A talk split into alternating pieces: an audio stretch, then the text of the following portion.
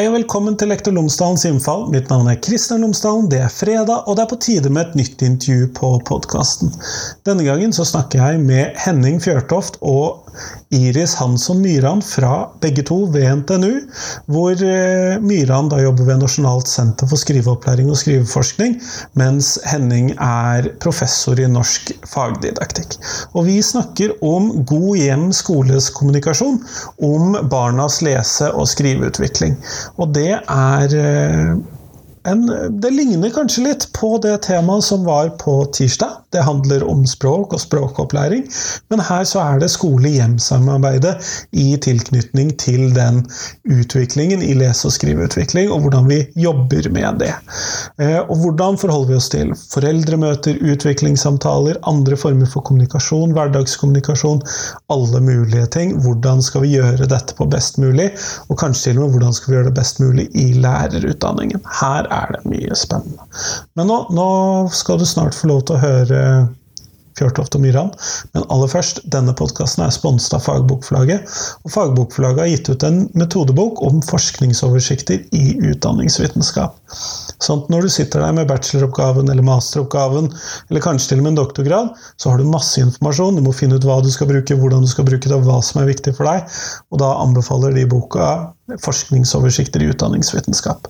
Og de, eh, Fagbokforlaget anbefaler den til alle studenter i lærerutdanningene og innenfor ulike pedagogiske fag.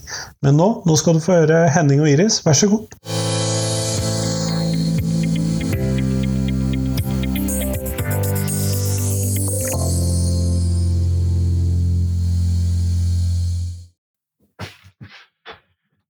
Henning Fjørtoft og Iris Hansson Myran, tusen takk for at dere har tatt dere tid til meg i dag. Takk for invitasjonen. Veldig hyggelig å bli invitert inn. Før vi kommer sånn helt i gang med samtalen, så hadde jeg håpet at dere kunne fortelle lytterne mine tre ting om dere selv, sånn at eh, de som hører på, kan få bli litt bedre kjent med dere. Ja, jeg kan begynne, da. Eh, Jeg er professor i norsk fagdidaktikk på Institutt for lærerutdanning ved NTNU.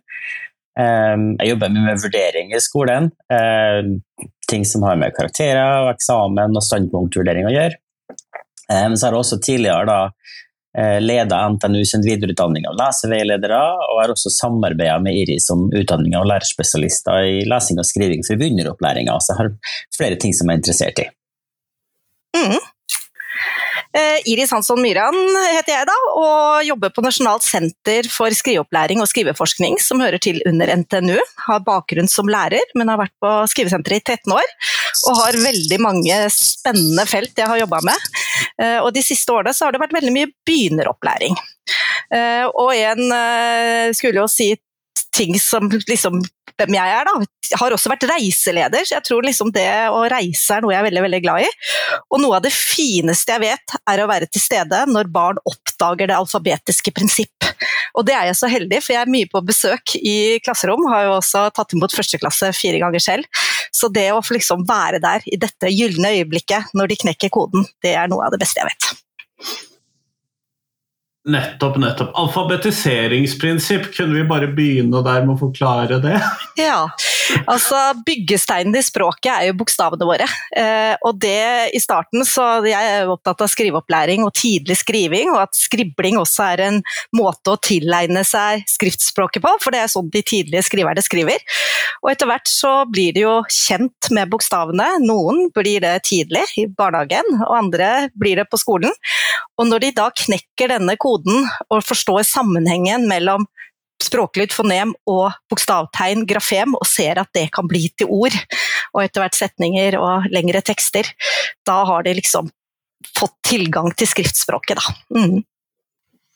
Nettopp det forklarer den. Og dette er jo kanskje noe av det som dere har laget bok om, fordi at dere har jo skrevet en bok om god skole-hjem-kommunikasjon, om da denne språkutviklingen, om lese- og skriveutviklingen. Og Henning, hvorfor er det så viktig hvorfor er det så viktig faktisk å lage en bok om kommunikasjonen om denne skriveutviklingen? Jeg ville jo mer ventet en bok om selve skriveutviklingen. ja, det er et godt spørsmål. Det, eh, altså, det er en helt konkret årsak til at vi har skrevet denne boka. her. Eh, Iris og jeg skulle undervise sammen på lærerspesialistutdanninga i, i begynneropplæring lesing og skriving. Eh, og i det fagfeltet så finnes det mange gode fagbøker både på norsk og engelsk om hvordan man kan jobbe med god lese- og skriveopplæring for de minste elevene. Eh, men så når vi laga pensumlista, så tenkte vi vi må jo ha ei økt om hvordan man snakker med foreldre og sånne ting også, For eh, vi har jo sjøl hatt unger i skolen, og vi har sittet på dusinvis av foreldremøter og utviklingssamtaler der vi får høre om liksom, lesekartlegging, lesetesting, nasjonale prøver i lesing, skriveopplæring og sånn. Eh, og så tenkte Vi vi må ha en økt om det, vi må ha en dag om det på denne videreutdanninga vår. Og Så begynte vi å se etter pensum, men det som vi oppdaga, var at det finnes en del gode bøker om skole-hjem-kommunikasjon, men så å si alle er veldig sånn allmennpedagogiske. Altså, de handler om barna har det bra på skolen, trygge barnet sosialt, skaper et godt læringsmiljø og sånne ting. Og det er jo viktig, men for de lærerne som skal jobbe med begynneropplæring og lesing og skriving, så trenger de også å vite hvordan de skal snakke om akkurat de viktige gylne øyeblikkene, som Iris sa. Eh, og den boka mangla, og da bestemte vi oss for å skrive den boka sammen. Det er jo det er vel kanskje ikke den uvanlige måte å ende opp med å skrive en bok på i akademia, vil jeg tro. Eller i hvert fall i lærerutdanningene. Boka mangler. ja, det er riktig. Eh, men når man da skal ta og formidle disse gylne øyeblikkene, da, Iris, eventuelt kanskje de mer frustrerende øyeblikkene, eller ja, det er vel en stor bredde i disse øyeblikkene. Eh, hva er det som er liksom sånn hovedgrunntanker som skal uh, være på plass der, når man da skal ha, lage et godt, godt godt skole-hjem-samarbeid i dette? Mm. Du var jo litt inne på det der med, eh, med, problemer. Det er jo kanskje det man på en måte ser, de barrierene som ligger i god kommunikasjon. Da. Det er jo nettopp dette her fokuset kanskje på problematisering og alt det som er vanskelig. Og da kan det jo hende at det blir ganske sånn vanskelig også for foreldrene å håndtere. Eh, og, og for lite foreldreinvolvering er jo også noe man har sett som kan være en sånn barriere for å ikke få til god kommunikasjon. Eh, og det også at man på en måte ikke har et sånn standard eller en felles forståelse av hvordan dette skal gjøres. For Gro Marte Strand hun har eh, forska på det, overgangen fra, nei, fra uh, barnetrinn til ungdomsskole. Og der har hun snakka med foreldrene og fått deres perspektiv på det. og de sier det er viktig å se barnet mitt. Eh, vi må få nok informasjon. Eh, vi må ha klare og tydelige forventninger, og bruk oss som foreldre. Og nå vet jeg ikke helt om jeg svarte på spørsmålet ditt, men, men, det som på en måte var inngangen til det, var at jeg tenker at vi må på en måte rette fokus mot mye mestring, mening, motivasjon. Og ikke minst, når jeg ser tilbake på alle de samtalene jeg selv har hatt med foreldre, så har jeg kanskje tatt veldig mye plass. Og det prøver vi å skrive fram i boka vår òg, at her er det elevens stemme.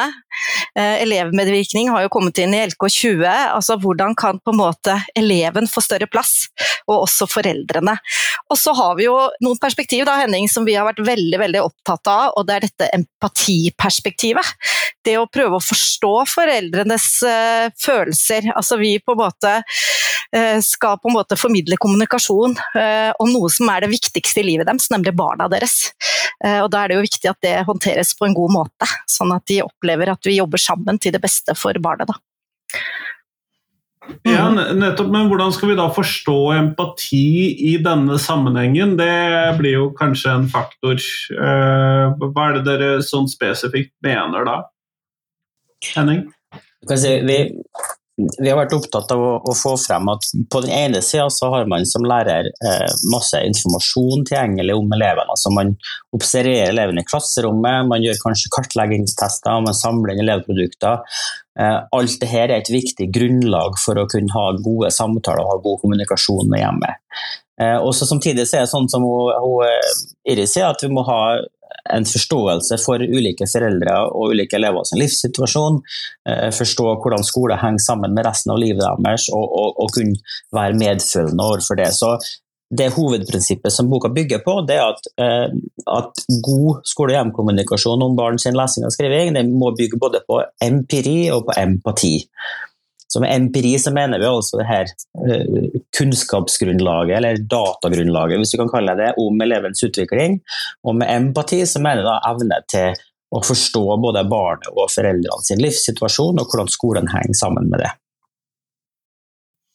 Og her ligger det jo eh, ganske mange såre øyeblikk òg, vil jeg tro. Jeg må innrømme, jeg vet ikke om jeg noensinne har hatt en samtale med mine barns lærere om eh, skrifts- og leseutviklingen. Jeg mistenker at det kan bety at de har ligget sånn akkurat midt på treet eh, i dette. eh, og jeg mistenker at dette kan være noe sårere for de som ligger litt lavere på dette treet, i hvert fall blant elevene, eller tregere i utviklingen, eller ja, litt sånn forskjellig. At det ligger mye sårhet der, Iris? Ja, det kan nok stemme, men så ser vi også, for jeg jobba mye mot lærere og, uh, i mange sammenhenger, og det er mange som er litt sånn usikre på hvordan man skal vurdere elevenes skriving, og hva er det viktige? Jeg har sett at mange tror at skriving er lik rettskriving, uh, og det skriving er jo så veldig, veldig mye mer enn det. Uh, så jeg har faktisk opp igjennom årene fått telefoner fra foreldre som vet at de skal på utviklingssamtale, og så er de litt sånn stressa, for de vet at det kommer til å handle om rettskriving eller håndskrift. Eh, og, det handler jo veldig om den derre formsiden av språket, som gjerne er det man retter søkelyset mot, det som kanskje elevene strever med. Mens eh, jeg er mye større grad opptatt av å, se faktisk alt det man får til, og alt det som faktisk, som vi også skriver om i boka her, at skriving er så veldig, veldig mye mer enn det. Så f.eks.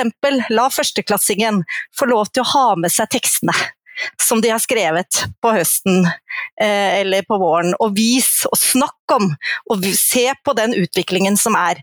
Og da kan de sammen sette ord på dette her, se her er mottakerperspektivet, tar hensyn, skriver en tekst med tydelig mottakerperspektiv osv. Så, videre. så det å på en måte lete etter styrkene, og det å anerkjenne, som jeg sa innledningsvis, at også i starten så kan det å være bare bruke førstelyden eller skrible også være en måte å skrive på. Og så vil man da, hvis man har en liten mappe med tekster, se at wow, her har det skjedd mye utvikling. Sånn som denne jenta vi ser teksten til i boka, da, som har en herlig tekst eh, som ikke kanskje alltid er like lett å, å tyde, men eleven vet hva hun har skrevet, og kan for, formidle at her har jeg skrevet dette, og klarer å skrive ganske mye, til tross for at hun akkurat har starta på første klasse. Så det med motivasjon, mening, mestring, og det å få lov til å være og medvirke, for vi har jo også lagt veldig vekt på dette her med at eleven skal få lov å ta større plass, bl.a. på utviklingssamtalene. Mm. Ja, dette har jeg jo merket meg de siste årene, og jeg har liksom tenkt at det kanskje mer hang sammen med hvilke lærere jeg tilfeldigvis hadde for ungene mine, men, disse, men det ser jo ut til å ha vært en sånn felles greie nå, hvor eh, disse utviklingssamtalene primært sett er en sånn elevpresentasjon, og så kommer eh, læreren og gir noen sånn oppsummerende ord fra det totale lærerfellesskapet litt sånn mot slutten av samtalen. Og det virker jo som at dere peker i retning av her med elevstyrte samtaler. Kan det stemme, Henning? Ja, på den ene sida så gjør vi det. Altså, vi er opptatt av at elevene skal ha en, eh, en rolle som de er i stand til å fylle, og som er meningsfylt, og der de sjøl får måte, reflektere over sin egen lesing og skriving og den type ting. Men så er det et forbehold her. Altså, eh, de fleste foreldre vil òg være interessert i hvordan går det egentlig. De vil ikke bare høre elevens versjon. Altså, ofte så har vi behov for å høre hva, hva, slags perspektiv en lærer har på en elev. Eh, jeg har selv hatt, eh, hatt barn i skolen som på ene sida kan si alt går bra, og så går det egentlig ikke så bra. Og så har jeg også hatt barn i skolen som sier jeg er ikke så fornøyd med meg sjøl, men så går det egentlig veldig bra. Så elevens bilde må alltid på en måte kontrasteres da mot lærerens perspektiv, og her kommer det her empiriske elementet inn, altså at du kan faktisk drøfte eksempler på hva elevene har gjort, eh, og at du kan se læringa på en sånn synlig måte i de samtalene, og det ikke bare blir snakka om eller fortalt om. Mm. Og det ser du jo også i, i, boka, at vi er ganske sånn tydelige på at det krever ganske mye forberedelse. Det krever ganske mye av lærer for å lykkes godt med elevstyrte samtaler. Det nytter ikke å overlate alt ansvaret til eleven og tenke at da har vi liksom fått til dette her. Eh, både når det gjelder innsamling av empiri eller data, da, og også hvordan eleven skal på en måte, hvilke tekster skal være med, f.eks. Mm. Ja, det blir jo ikke noe mindre komplisert for oss, ville jeg tro. Henning? Nei, det er ganske komplisert. Altså, um, bare det å, å, Hvis en forelder spør hvordan går det med eleven min, altså lærer barnet mitt å lese og skrive, så har læreren egentlig tre valg. da. Eh, du kan enten snakke om hvordan eleven gjør det opp imot læreplaner, men det kan ofte bli ganske abstrakt for foreldrene, fordi læreplanmålene er, er vanskelig å forstå hvis du ikke har fagutdanning. Eh, så for det andre så kan du si, eh, du kan si hvor bra eleven gjør det i forhold til de andre elevene. og Man skal jo egentlig ikke sammenligne, sånn, men samtidig så er det vanlig at man sier den eleven her følger normal progresjon, akkurat som vi forventer av en typisk tredjeklassing f.eks. Det er helt legitimt å si det, eh, men da kan det hende at man må si hva forventer man av en typisk tredjeklassing. Så det er ganske utfordrende. Og Det tredje alternativet er jo hvis elevene hadde veldig tøft, sant? at det ikke har vært mye progresjon i hele tatt, så må man jo måte, unngå å sammenligne både med læreplaner og med resten av klassen, men man må se på den enkelteleven. Hva, hva er det vi kan se av mestring fra forrige gang her for den enkelte eleven, uten å sammenligne med andre. Og Dette er rett og slett et valg som lærerne må gjøre i hver enkelt situasjon. Vi har ikke noe oppskrift på hva som er riktig, men alle de tre alternativene er på en måte i spill da, når man skal ha en samtale med foreldre og den kan være satt av til en veldig tilmålt tid på 20 minutter eller noe sånt, på kveldstid når folk er sultne og trøtte etter jobb. og, og det her skal skje ganske kjapt. så det, det, er ganske heftige krav. Det er høy kompleksitet i det feltet. Mm.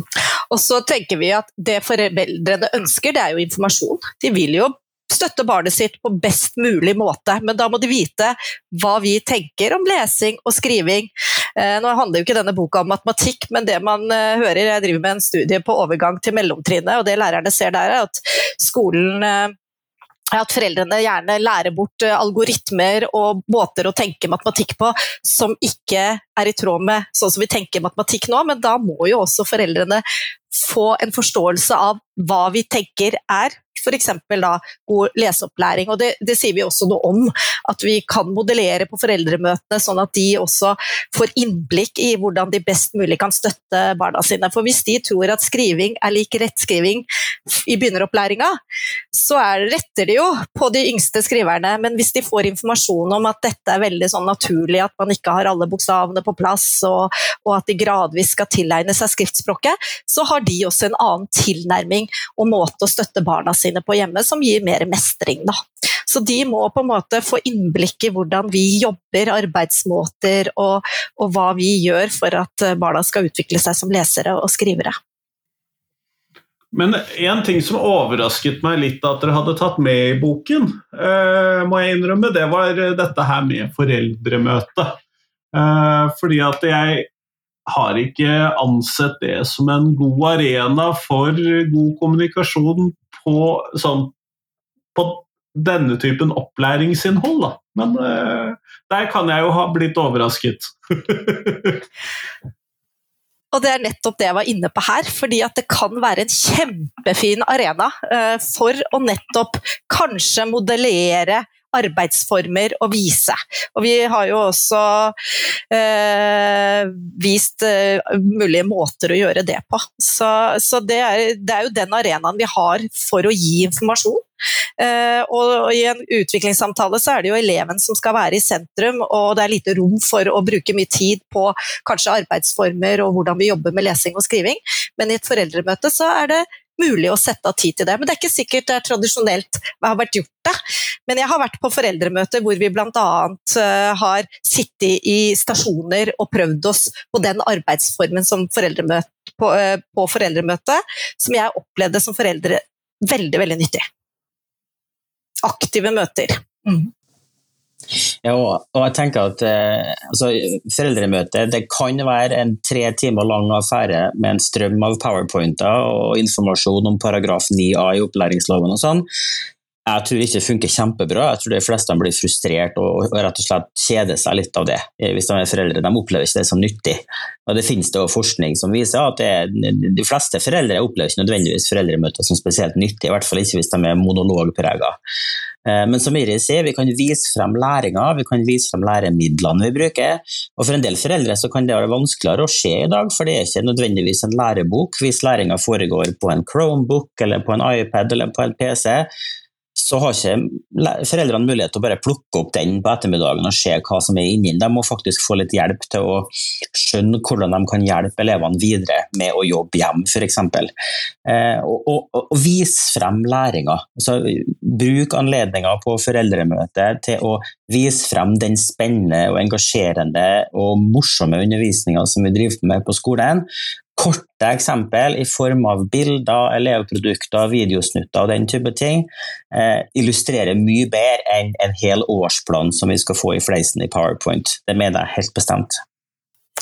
Og kan også snakke om leseutvikling. Det har jeg gjort på foreldremøte, og opplevd at foreldre blir veldig sånn Å ja, er det det det handler om? Eller det å oppdage da, det alfabetiske prinsipp.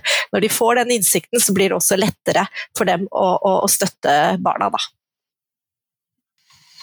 Jeg hører at dette kan være mer interessante foreldremøter enn uh, de foreldremøtene jeg ofte har vært på opp gjennom tidene. Uh, no, de begynner å bli bedre, og det er mer kafédialog og den typen ting på de, men uh, jeg er fremdeles ikke en stor fan av foreldremøter. men det gjelder vel kanskje mange, selv som lærere. men ja, Henning? Altså det, det, har vært viktig for oss å Dette er jo en liten bok, det er en kort liten bok, en enkel lærebok ikke sant, for lærerutdanning primært, og, og som vi håper kan være nyttig for lærere i praksis. Det har vært viktig for oss å prøve å sette folk i stand til å gjøre det her på en god måte innenfor de tidsrammene vi har tilgjengelig. Og um, en ting som jeg Iris var opptatt av, det var å finne ut av altså, Vi vet at de fleste samtaler er rutineprega, hvordan kan vi unngå at de blir kjedelige eller demotiverende? Sant? Men så vet vi òg at en del samtaler kan være ganske krevende for lærere å gjennomføre. Hvis det er f.eks. la oss si da, at du har mistanke om at en elev har kraftige problemer med lesing og skriving, og det ser ikke ut til at det her fikser seg sjøl i vanlig undervisning, hvordan tar man den samtalen med foreldre? Eh, jeg har selv opplevd mange ganger eh, at lærere snakker om at foreldre motsetter seg utredning f.eks., eller at de ikke stoler på læreren sin vurdering. Dette er utfordrende for lærere å stå i sånne samtaler. Så vi, prøvde å finne litt forskning på hvordan man skal ha sånne samtaler. Eh, vi klarte ikke å finne det innenfor lærerutdanningsforskning, skoleforskning, men vi fant det i medisinsk forskning, for det finnes det mange gode praktiske forskningsbaserte eksempler på hvordan man har dårlige samtaler. Altså, hvordan overleverer man f.eks. en kreftdiagnose til en person som tror de er frisk? Eh, og hvordan ivaretar man sin egen profesjonalitet og seg selv, sin egen velvære som profesjonsutøver, når man samtidig skal stå i sånne vanskelige samtaler. Der er det en del gode råd, De har vi prøvd å ta med i boka, og så håper vi at folk får nytte av dem. Det høres ut som det kan være lurt, men du nevnte jo nå at dette er jo ment inn mot lærerutdanningene. Og dette er jo ofte ikke Man kunne jo ønske seg at praksis inneholdt mer kontakt med det store praksisfeltet, men det er jo ofte ikke det som man kommer i kontakt med. Så hvordan tenker dere at uh, dette kan være relevant for de som er i praksis, eller de som er, er i lærerutdanningen? Jeg har lærere som har lest boka, og de tenker jo også at den kan være relevant for lærerne. og ikke minst eh, som noe som også er en barriere, det at man ikke har en felles forståelse i, i det profesjonelle læringsselskapet på hvordan utviklingssamtaler skal gjennomføre, hvordan vi skal ha kommunikasjon med hjemmet i det daglige, hvilke plattformer, eller hvordan skal vi håndtere dette her, og det gjøres veldig, veldig ulikt. Så det å sette på agendaen god skole-hjem-kommunikasjon eh, burde kanskje vært gjort i større grad. Eh, så, så, og nyutdanna lærere, som sagt, den første utviklingssamtalen jeg skulle ha, så hadde jeg ingen rollemodell. Altså, jeg, jeg ante ikke, jeg bare gikk inn i rommet med en litt sånn stor bunke med papirer for å se litt viktig ut. Fordi liksom, hvordan skal jeg håndtere dette her? Jeg har aldri gjort det før, og jeg tror kanskje jeg prata 90% av tida. Litt fordi jeg var nervøs, og litt fordi jeg ikke visste hva jeg skulle gjøre, og trodde at her er det jeg som skal fortelle foreldrene. Så, så det å, å, på en måte ikke minst bruke tid på å, å, ha en felles forståelse på hva dette innebærer, og også snakke om barrierene. For det er ikke enkelt for lærere, det er, og ikke blitt enklere heller etter at vi har fått alle disse læringsplattformene og at vi er tilgjengelige hele tiden. Eh, så det å sette litt grenser der òg er kanskje viktig å diskutere. At noen foreldre opplever at lærere er tilgjengelig hele tiden, mens andre klarer å sette grenser. Bør være litt sånn likhet, da. Så, så jeg det ligger et stort potensial i denne felles forståelsen, og, og, som vi så da da vi bøtte Vi har jo også snakket om dette for, lærere, for lærerstudenter som ikke har vært i skolen, og som sa at dette er noe de gruer seg mest til, er nettopp dette med skole-hjem-samarbeid. For de føler at der har de lite kompetanse, det har vært litt, brukt lite tid på det i lærerutdanninga. Og så har vi jo noen eksempler, Henning, på, på noe som begynner å, å blir ganske vanlig i lærerutdanninga, også her i Norge etter hvert. Eh, det har vi sett mer av etter at vi har skrevet boka, f.eks. Om du vil si noe om det, Henning? Hvordan man på en måte kan trene på skole-hjem-kommunikasjon i, i lærerutdanninga. da. Ja, altså, eh, som, som, du påpeker, Kristian, altså det, det, er et stort spørsmål hvordan skal vi forberede lærerstudenter til det her. Lærerutdanninga nå er femårig, vi har jo egentlig god tid. Men så vet jo alle som underviser i lærerutdanninga at det, det, er ganske trangt om plassen. Det er vanskelig å få noe ut for å få plass til noe nytt. Eh, og når det gjelder skole-hjem-kommunikasjon, så er det jo egentlig et sett med det vi kan kalle situasjonsspesifikke ferdigheter. altså Noen helt konkrete ferdigheter som du trenger til akkurat den situasjonen. F.eks. det å, å tolke foreldre sitt kroppsspråk, kommunisere tydelig, og kanskje også treffe beslutninger på en måte i løpet av møtet som inkluderer både elever og foreldre. Det er ganske krevende ferdigheter. Eh, vi får neppe noe ekstra studieår til å trene på sånne ting, det tror jeg ikke er realistisk. Eh, og jeg tror heller ikke det er realistisk å tenke at vi skal sette av 20% av praksis for eksempel, til å bare trene på sånne ting, for læreryrket er for stort og komplekst til det. Eh, men det vi har sett eksempler på, som Iris nevner, det er jo at det popper opp nye eh, måter å gjøre det her på også utenfor den ordinære praksisperioden. F.eks. For i form av rollespill, simuleringer, bruk av VR-teknologi for å trene på dette her, og også andre eksempler. Eh, vi har med et kapittel i boka som beskriver eh, noe veldig spennende og helt ny forskning fra Belgia, der de da har leid inn skuespillere som skal simulere ulike foreldretyper, litt sånn stereotype foreldre, som lærerstudentene skal trene seg på. Og Så filmer de det, og ut ifra det så har de da utvikla en modell for hvordan man kan tilegne seg grunnleggende ferdigheter i hvordan man gjør dette. Og eh, I Belgia så sier de at egentlig så handler det primært om å lære seg to ting. Det ene er hva er den gode rekkefølgen som de ulike innholdselementene skal komme i, og det andre er hvilke måte, psykologiske strukturer har en god samtale, sånn at folk blir hørt, men også at den rundes av og lukkes på en god måte. og den type ting.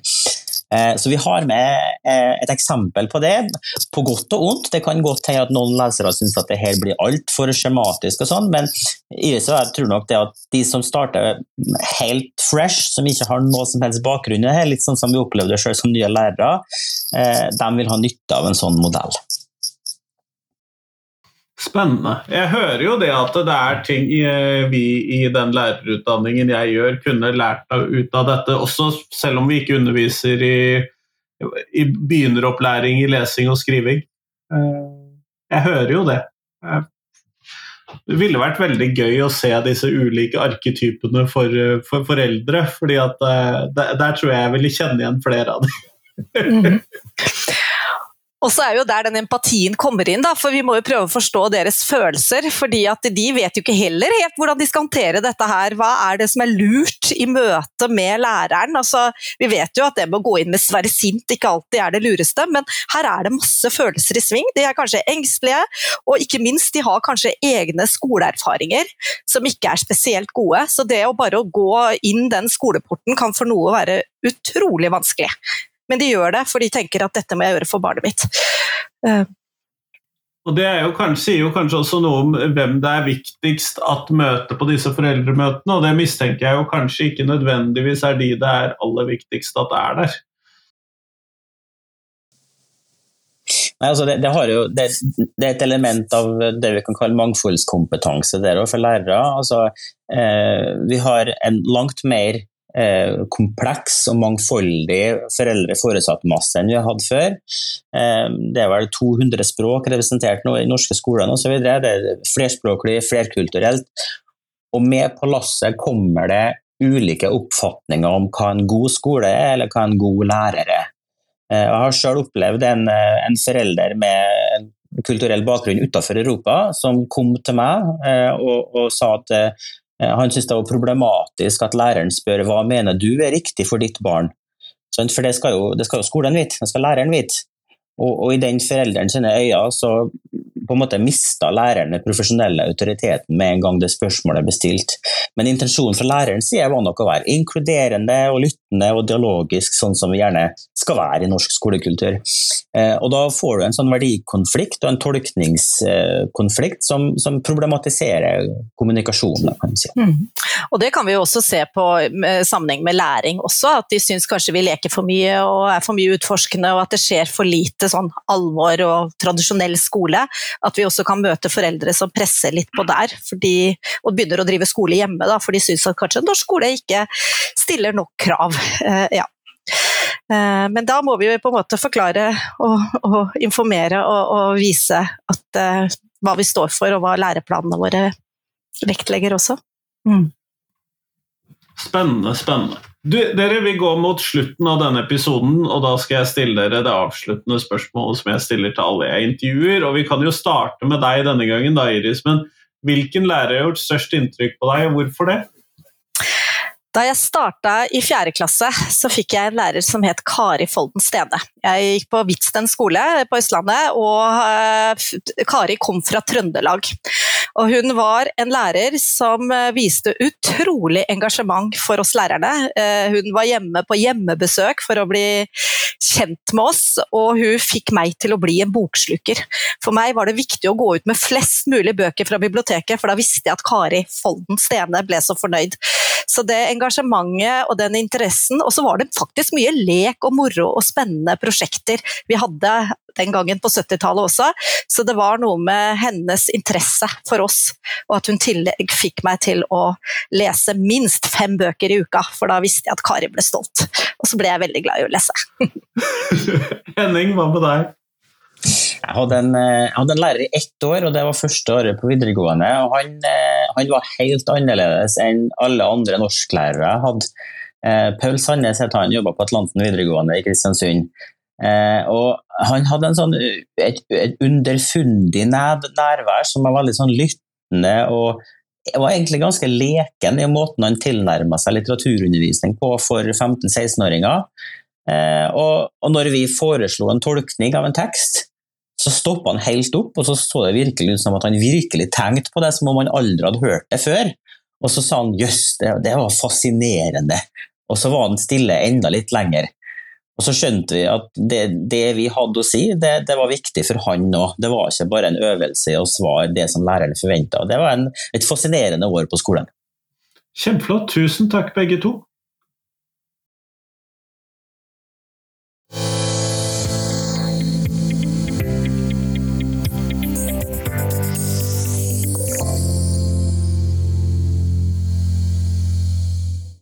Tusen takk til Iris, tusen takk til Henning, og tusen takk til deg som hørte på.